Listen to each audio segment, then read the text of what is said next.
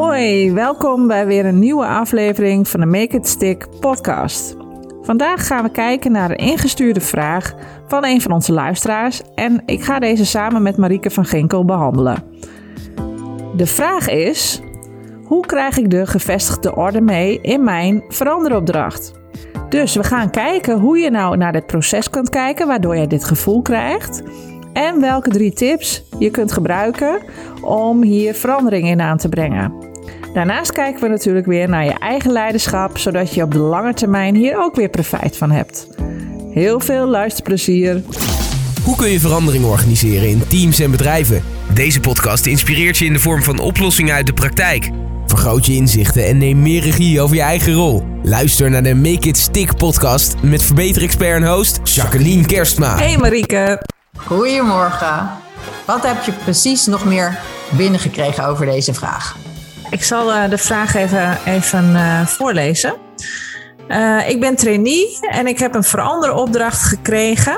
En mijn team zit vol met ervaren mensen.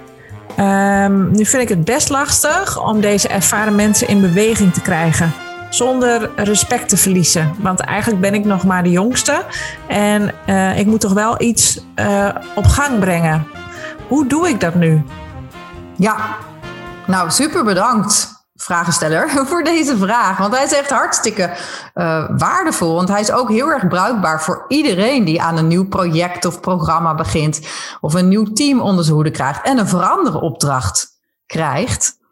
Waarbij je tegen de gevestigde orde aanloopt. Komt heel veel voor. Dus super fijn deze vraag.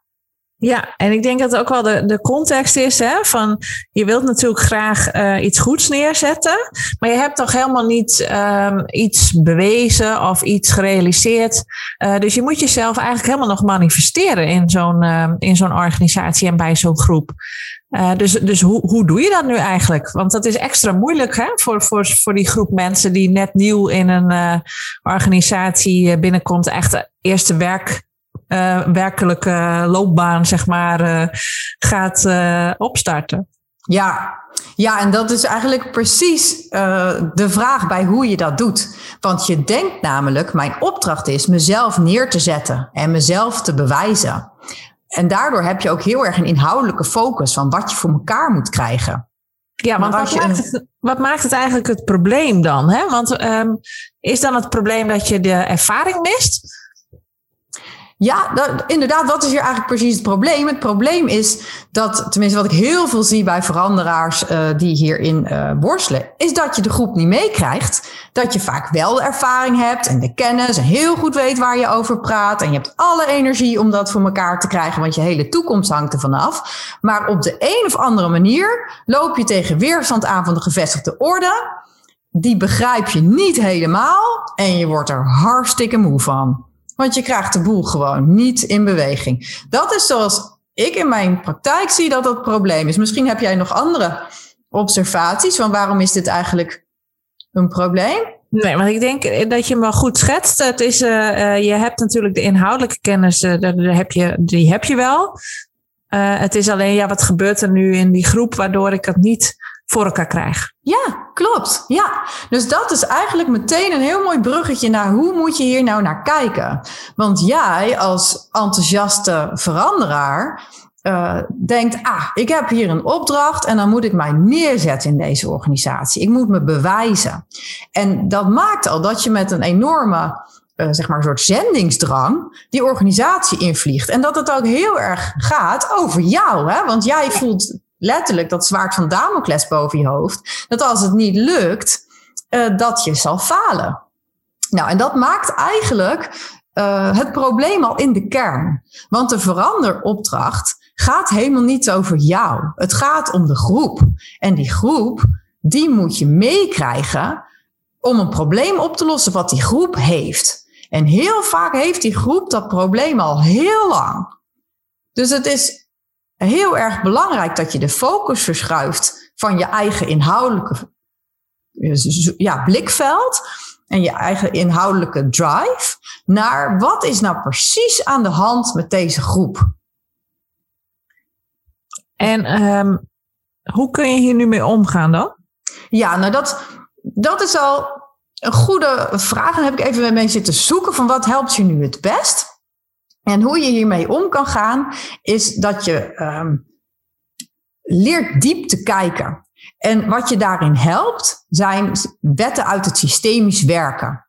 Want het allereerste wat je, wat je moet doen om hiermee om te gaan, is uh, een soort onderzoek. Een soort detective pad opzetten van wat is nou allemaal aan de hand in de groep. Maar als je dat nog maar net doet, of je hebt dat nog niet heel vaak gedaan, heb je helemaal geen idee waar je naar moet kijken. En dan heb je wel elke keer die weerstand. En die wordt op inhoudelijke gronden uitgevochten. Maar waar het hier om gaat, is dat er bepaalde krachten in die groep zijn. En dat, uh, dat het heel verstandig is om die krachten te begrijpen, om de groep te begeleiden door die verandering. En zijn die krachten, hè? sorry dat ik je van ja. die krachten, hebben die dan specifiek te maken met het verschil tussen jong en oud? Ja, ja, ja, dat is uh, precies wat er, waar het over gaat. Je, wilt het krachtenveld in kaart brengen, maar dat is een van die systemische wetten. De mensen die het langst in de organisatie zijn en het meest ervaring hebben over het echte essentie van het werk, zijn de mensen die de sterkste krachten in de organisatie hebben. Die zijn het, het meest van belang. Die moeten ook op die manier worden uh, erkend. En op het moment dat die mensen zich niet erkend voelen, zo creëert, creëert je, jouw aanpak dus alleen maar weerstand. Dus jouw eerste taak is die, de meest ervaren mensen en hun kennis over deze opdracht te erkennen. Wat is dat precies? En te weten dat groepen niet functioneren, en dat is die systemische wet. Een groep functioneert niet als die mensen die de meest ervaring hebben, niet zodanig worden gekend en geëerd. Dan krijg je van nature die weerstand. Want een, ja, die systemische wet is, iedereen wil gewoon erkend worden daarvoor. Voor zijn ervaren. En dat geldt ook voor de mensen die dichter bij de bestaansreden van de groep werken. Dus bijvoorbeeld degene die het bedrijf is begonnen, of degene die het project ooit heeft geïnitieerd. Mhm. Dat zijn ook mensen die uh, een sterk, sterke kracht mee uh, brengen in het krachtenveld, die ook uh, die erkenning daarvoor willen. En je ziet dat wanneer dat niet erkend wordt, dat de groep stagneert. Dus dat zijn hele belangrijke systemische wetten die je in je hoofd moet hebben op het moment dat je kijkt naar zijn groep. En de derde wet die ik wil noemen is de wet dat groepen goed functioneren als de balans tussen geven en nemen klopt. Nou, dat heeft dan ook meteen weer te maken met de gevestigde orde. Want de gevestigde orde heeft meer gegeven dan jij. Dus zij willen ook die, die erkenning daarvoor hebben. En dat is wat jij hen hebt te geven. Dus je merkt al uh, dat het een heel andere manier van kijken is. Ja, je hebt het eigenlijk over de. Hè, in relatie tot jong en oud zou je kunnen kijken naar die drie systemische wetten, waarbij het dus gaat over een stukje ervaring waar het verschil in zit. Mm -hmm die uh, uh, gevestigde orde, zeg maar, de oudere mensen, die hebben al veel meer gegeven dan jij. Mm -hmm. En, um, en je moet zorgen dat ze zich ook gekend en gehoord voelen. Dus ja. wij hebben natuurlijk al heel veel, misschien is dit traject wel vier keer gedaan.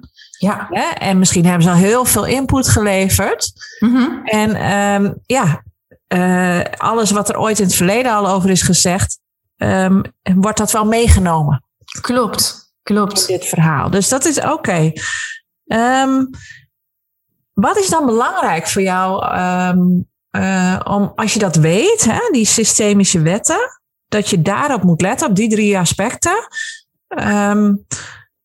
Wat, wat zijn dan de stappen die je kunt zetten?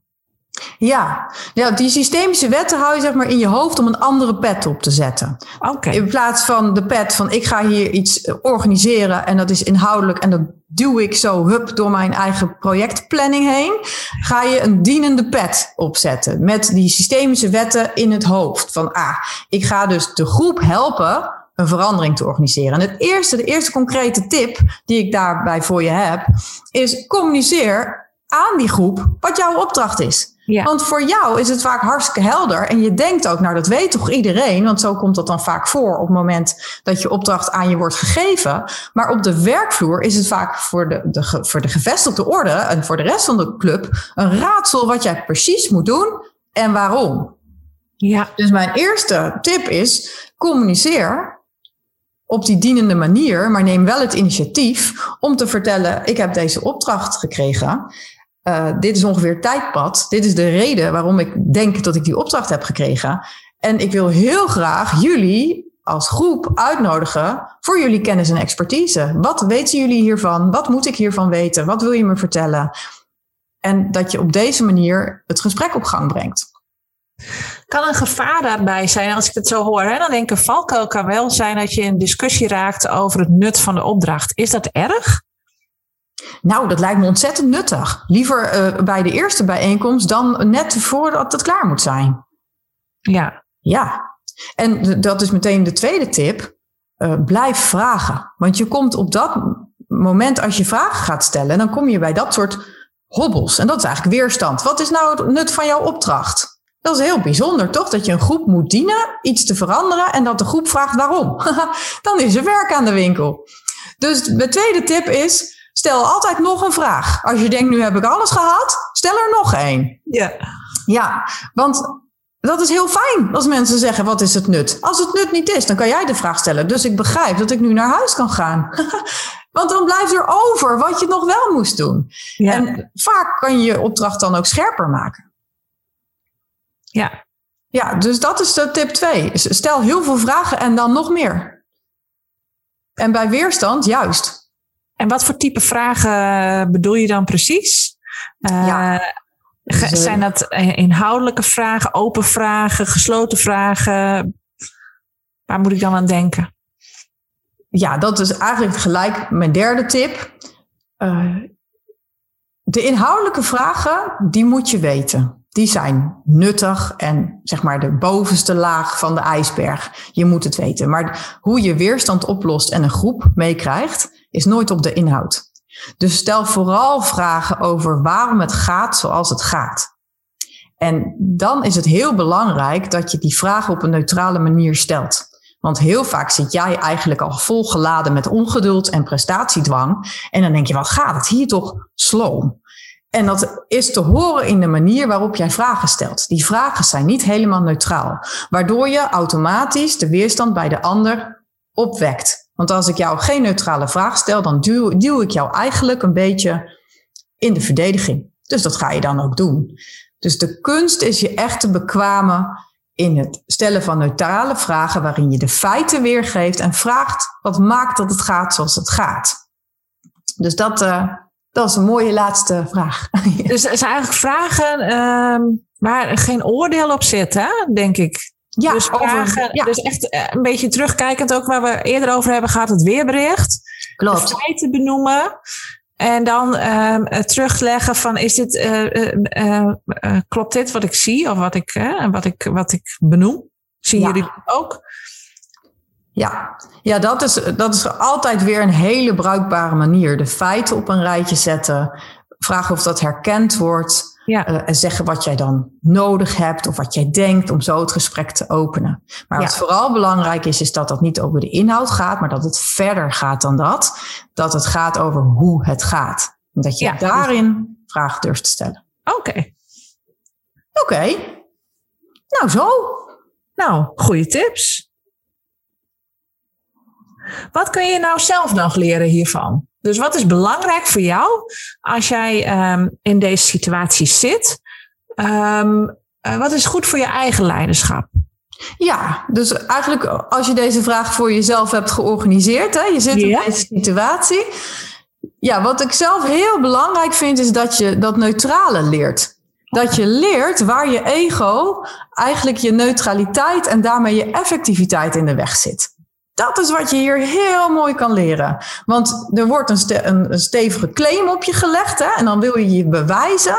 En dan ga je eigenlijk meteen een beetje in die vecht. Want je ego komt meteen hop om de bocht. En die wil het goed doen. Die voelt zich soms een beetje onveilig. En daarmee zit je jezelf enorm in de weg. Dus dit is een prachtige manier om dat te oefenen. Om echt dienend aan de groep te zijn. En elke keer wanneer je voelt dat ongeduld, irritatie of haast zich zo naar boven borrelen om dat neutraal te kunnen uh, ja, of wegleggen of het neutraal te kunnen bespreken. Ja. Dan natuurlijk ook. Maar je leert zo heel goed het onderscheid te maken als leider van doe ik dit voor mezelf of voor de groep. Ja, Ah, mooi. En ik denk ook wel, als ik je zo hoor praten, dat een stuk, ehm, eh, een stuk het nemen van regie ook wel in zit. Hè? Dat je op een gegeven moment ook de rust neemt om die ehm, eh, tips uh, door te lopen. Dus je niet laat opjagen door het feit dat je die opdracht hebt en dat die geleverd moet worden, et cetera. Maar dat je echt regie neemt ja. over die opdracht. En durft um, uh, vragen te stellen hierover en ook durft terug te gaan naar je begeleider of je opdrachtgever. Ja.